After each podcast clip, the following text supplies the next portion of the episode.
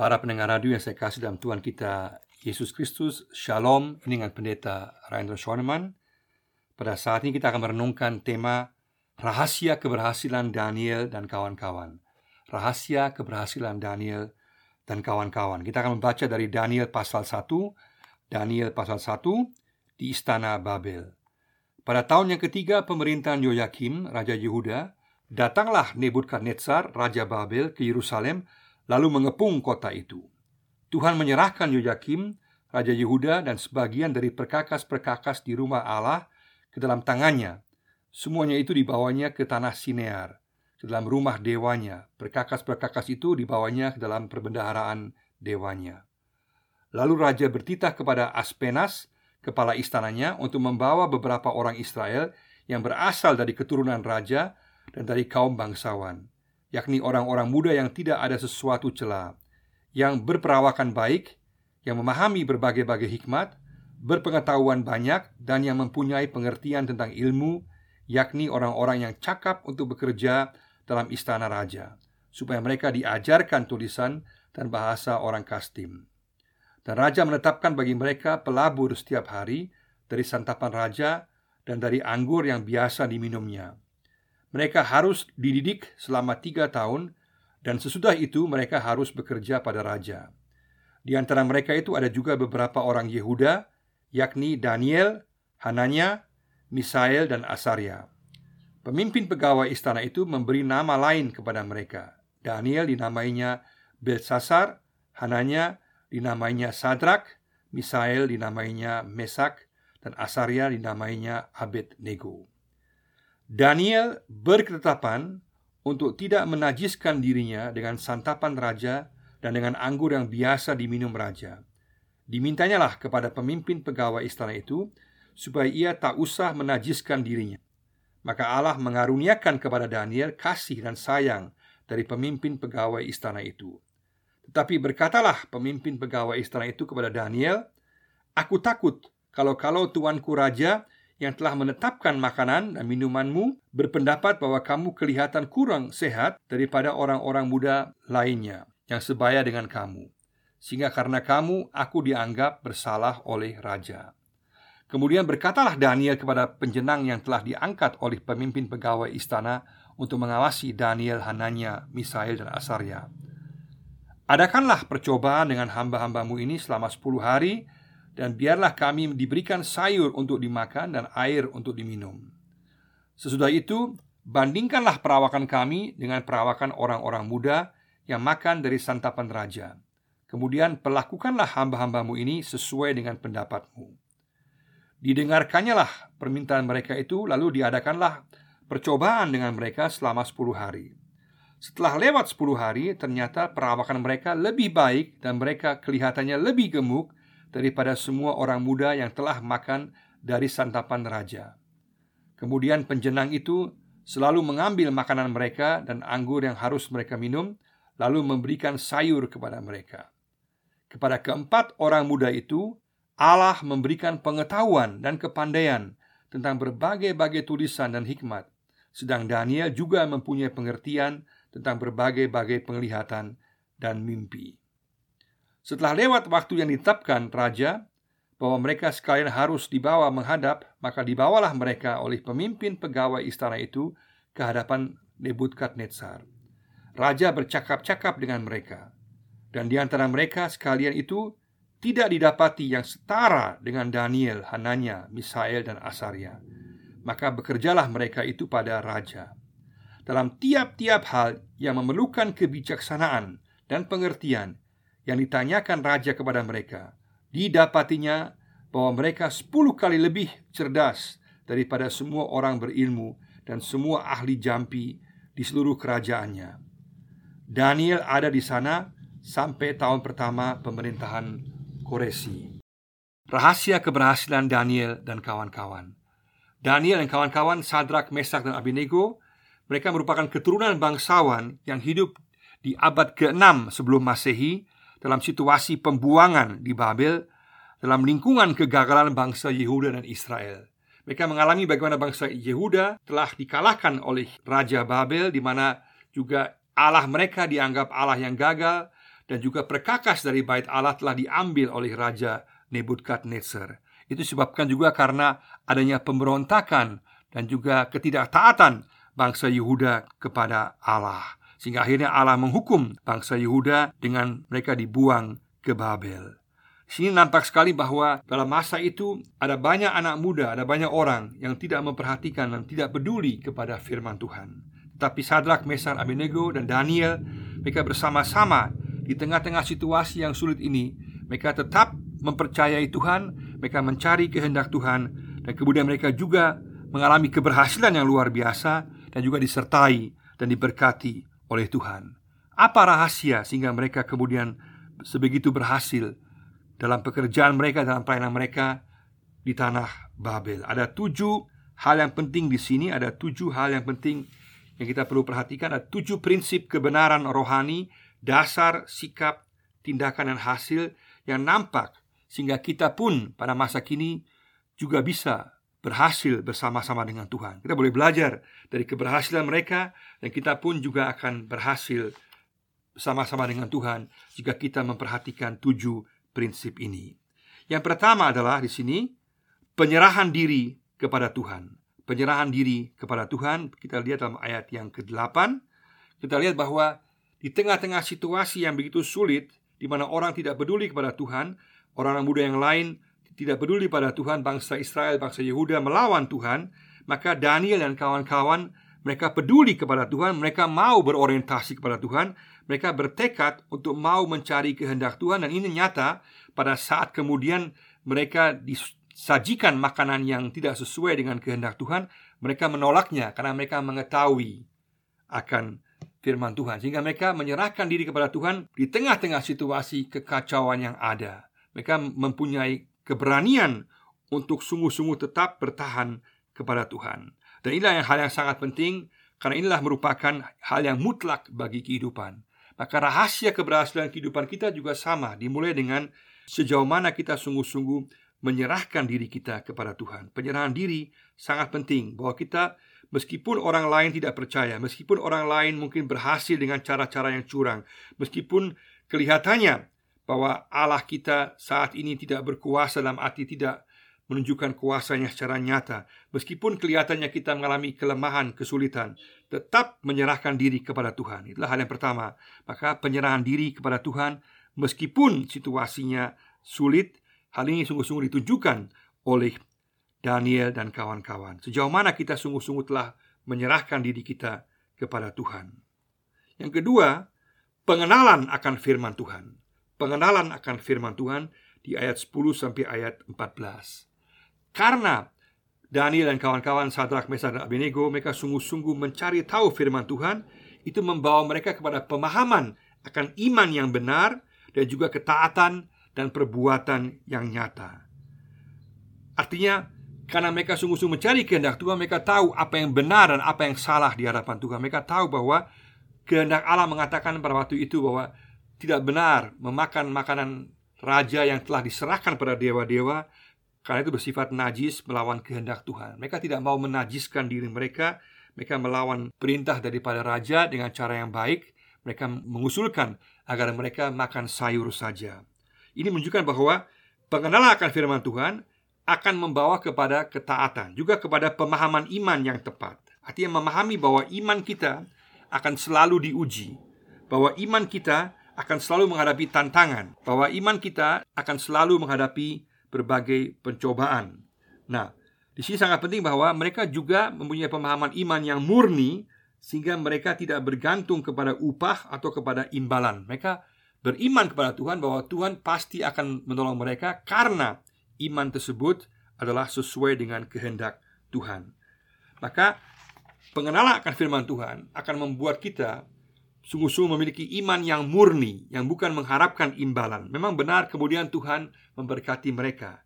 Tapi mereka tidak mengharapkan imbalan pertama-tama. Juga terbukti pada saat Daniel dibuang dalam gua singa, dia juga percaya bahwa Tuhan dapat menyelamatkan dia.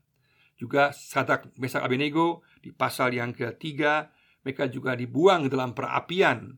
Mereka juga percaya bahwa Tuhan dapat menyelamatkan mereka dan seandainya pun Tuhan tidak menyelamatkan mereka, Mereka tahu bahwa Tuhan tetap Allah dan mereka tetap tahu bahwa mereka harus setia kepada Tuhan. Nah, dengan demikian maka pengenalan akan firman Tuhan akan membuat kita memahami bahwa iman kita tidak bergantung kepada imbalan yang Tuhan berikan. Memang Tuhan pasti akan memberikan imbalan, tapi bukan berarti bahwa kita mengharapkan imbalan secara materi, secara langsung. Tuhan akan memberikan dan dapat memberikan, tetapi iman yang murni tidak bergantung kepada situasi luar. Dan juga iman yang murni akan juga membawa pada ketaatan dan juga kepada perbuatan yang nyata bahwa mereka kemudian karena mengenal firman Tuhan, mereka kemudian tidak memakan makanan yang najis.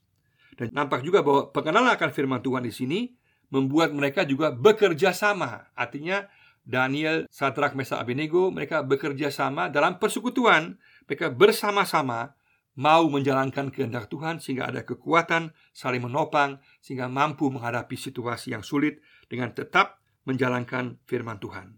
Itu hal yang kedua. Sejauh mana kita sungguh-sungguh mengenal firman Tuhan, iman yang murni. Kita sungguh-sungguh mengenal apa yang benar, apa yang salah dalam kehidupan sehari-hari kita. Mari sama-sama kita katakan kita mau mengenal firman Tuhan, mengenal iman yang murni. Kita mau taat, kita mau juga memiliki perbuatan yang nyata karena kita tahu apa yang benar dan apa yang salah di hadapan Tuhan sehingga kita melakukan yang benar di hadapan Tuhan. Yang ketiga, mengapa mereka berhasil adalah mereka menggunakan kesempatan dengan sungguh bekerja. Mereka menggunakan kesempatan dengan sungguh bekerja. Ayat 4 dan ayat 20.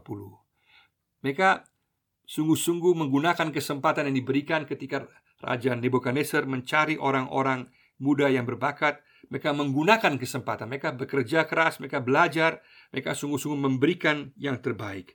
Keberhasilan bukan datang secara tiba-tiba.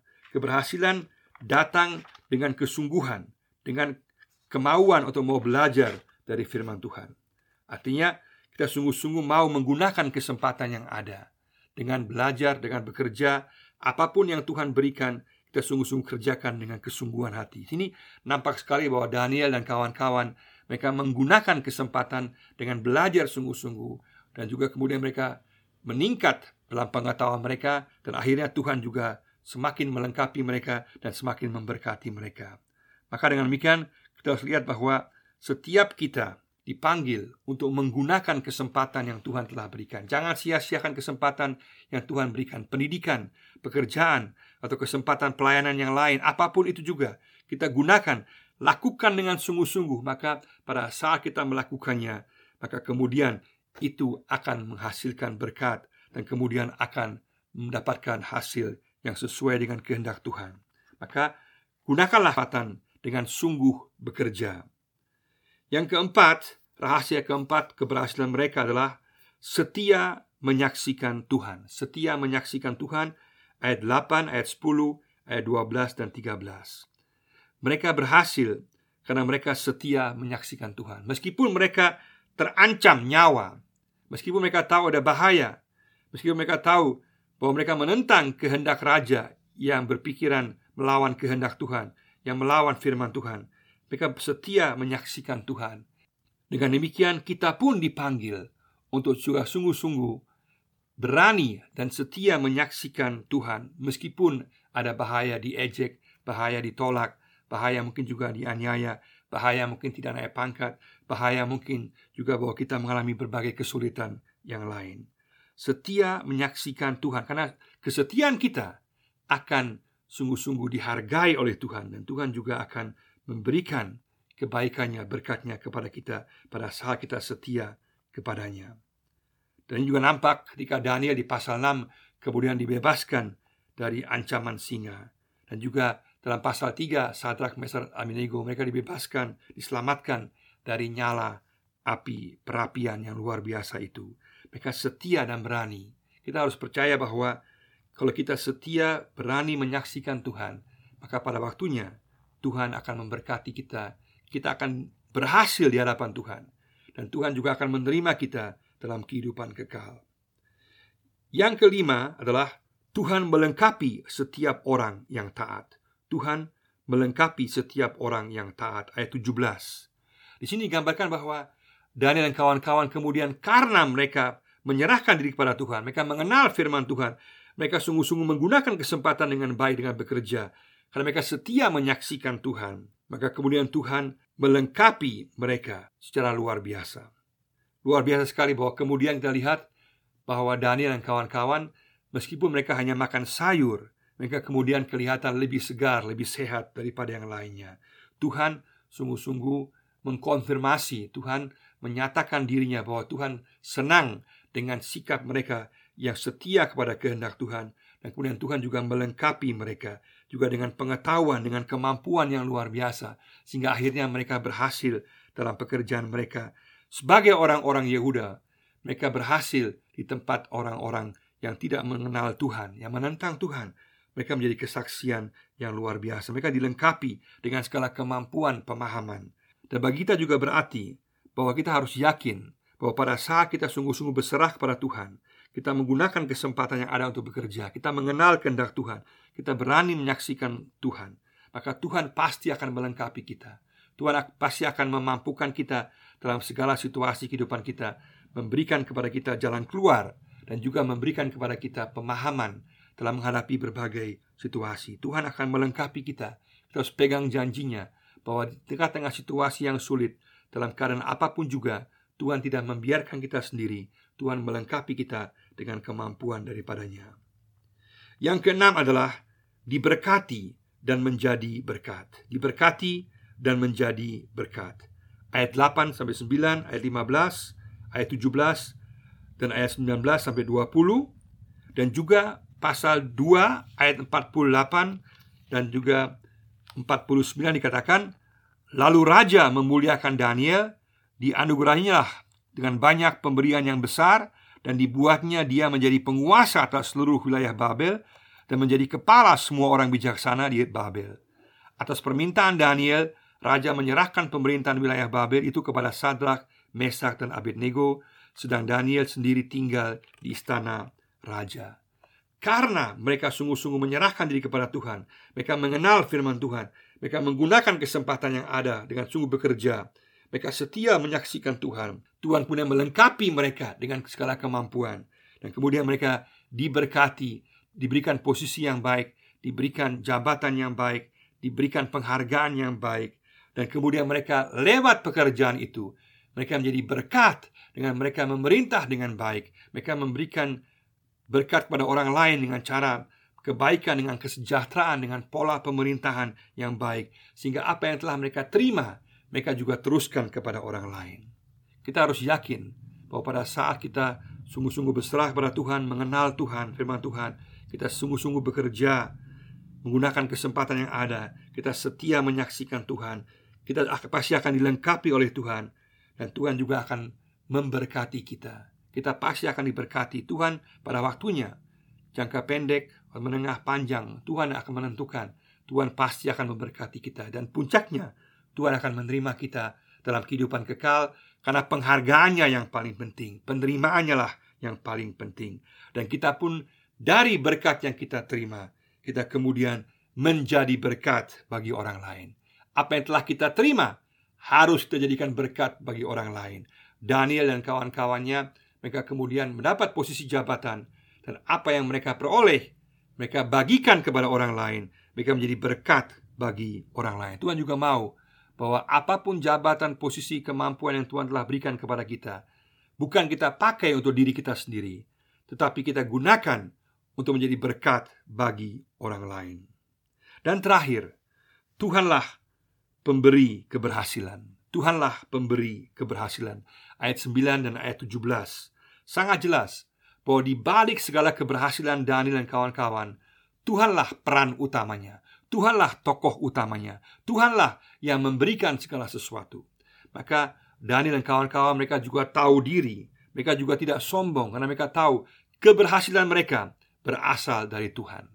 Dan hal yang sama juga berlaku untuk kita. Kita dipanggil untuk sungguh-sungguh tahu bahwa semua keberhasilan kita bahwa saat kita berhasil, saat kita memperoleh posisi yang baik, saat kita memiliki sukses, semuanya itu berasal dari Tuhan, berasal dari tangan kebaikan Tuhan. Kita tahu diri bahwa Tuhanlah peran utama di balik segala sesuatu. Sekaligus kita juga tidak sombong, tidak memegahkan diri kita, tapi tahu bahwa Tuhanlah pemberi segala keberhasilan kita. Mari sama-sama kita belajar dari Daniel dan tiga kawannya, Sadrak, Mesak, dan Abednego. Rahasia keberhasilan Daniel dan kawan-kawan adalah mereka menyerahkan diri mereka sungguh-sungguh kepada Tuhan. Mereka sungguh-sungguh mengenal firman Tuhan sehingga iman mereka murni, sehingga ketaatan mereka murni dan juga sehingga perbuatan mereka juga nyata sesuai dengan kehendak Tuhan. Yang ketiga, mereka sungguh-sungguh menggunakan kesempatan yang telah diberikan dengan sungguh bekerja. Mereka yang keempat, mereka setia menyaksikan Tuhan meskipun terancam nyawa mereka. Dan mereka juga kemudian dilengkapi oleh Tuhan karena mereka taat kepada Tuhan. Mereka kemudian juga diberkati dan menjadi berkat bagi orang lain.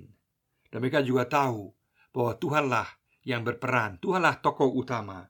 Dialah yang ada di balik segala keberhasilan dan sukses kita. Mari sama-sama kita pada saat ini kita katakan Tuhan, kita mau berserah kepada Engkau. Kita mau sungguh-sungguh mengenal firman-Mu secara murni. Kita juga sungguh-sungguh mau menggunakan semua kesempatan yang Tuhan telah berikan, pekerjaan kita, pendidikan kita, semua kesempatan yang ada kita mau gunakan sebaik-baiknya kita mau bekerja dengan sungguh. Kita mau setia menyaksikan Tuhan. Kita mau yakin bahwa Tuhan pasti akan melengkapi kita dengan segala kemampuan saat kita taat kepada Tuhan. Dan Tuhan pasti akan memberkati kita dan menjadikan kita berkat bagi orang lain. Dan kita boleh tahu bahwa di balik segala sesuatu, Tuhanlah yang patut dimuliakan. Dialah peran utama, dialah tokoh utama. Mari kita kembalikan segala kemuliaan, segala hormat, pujian hanya kepada Tuhan saja. Mari sama-sama kita belajar di rahasia keberhasilan Daniel dan kawan-kawan. Kita meniru mereka, mencontohi teladan mereka, dan Tuhan akan memberkati kehidupan kita. Kiranya Tuhan menyertai dan memberkati kita sekalian. Amin.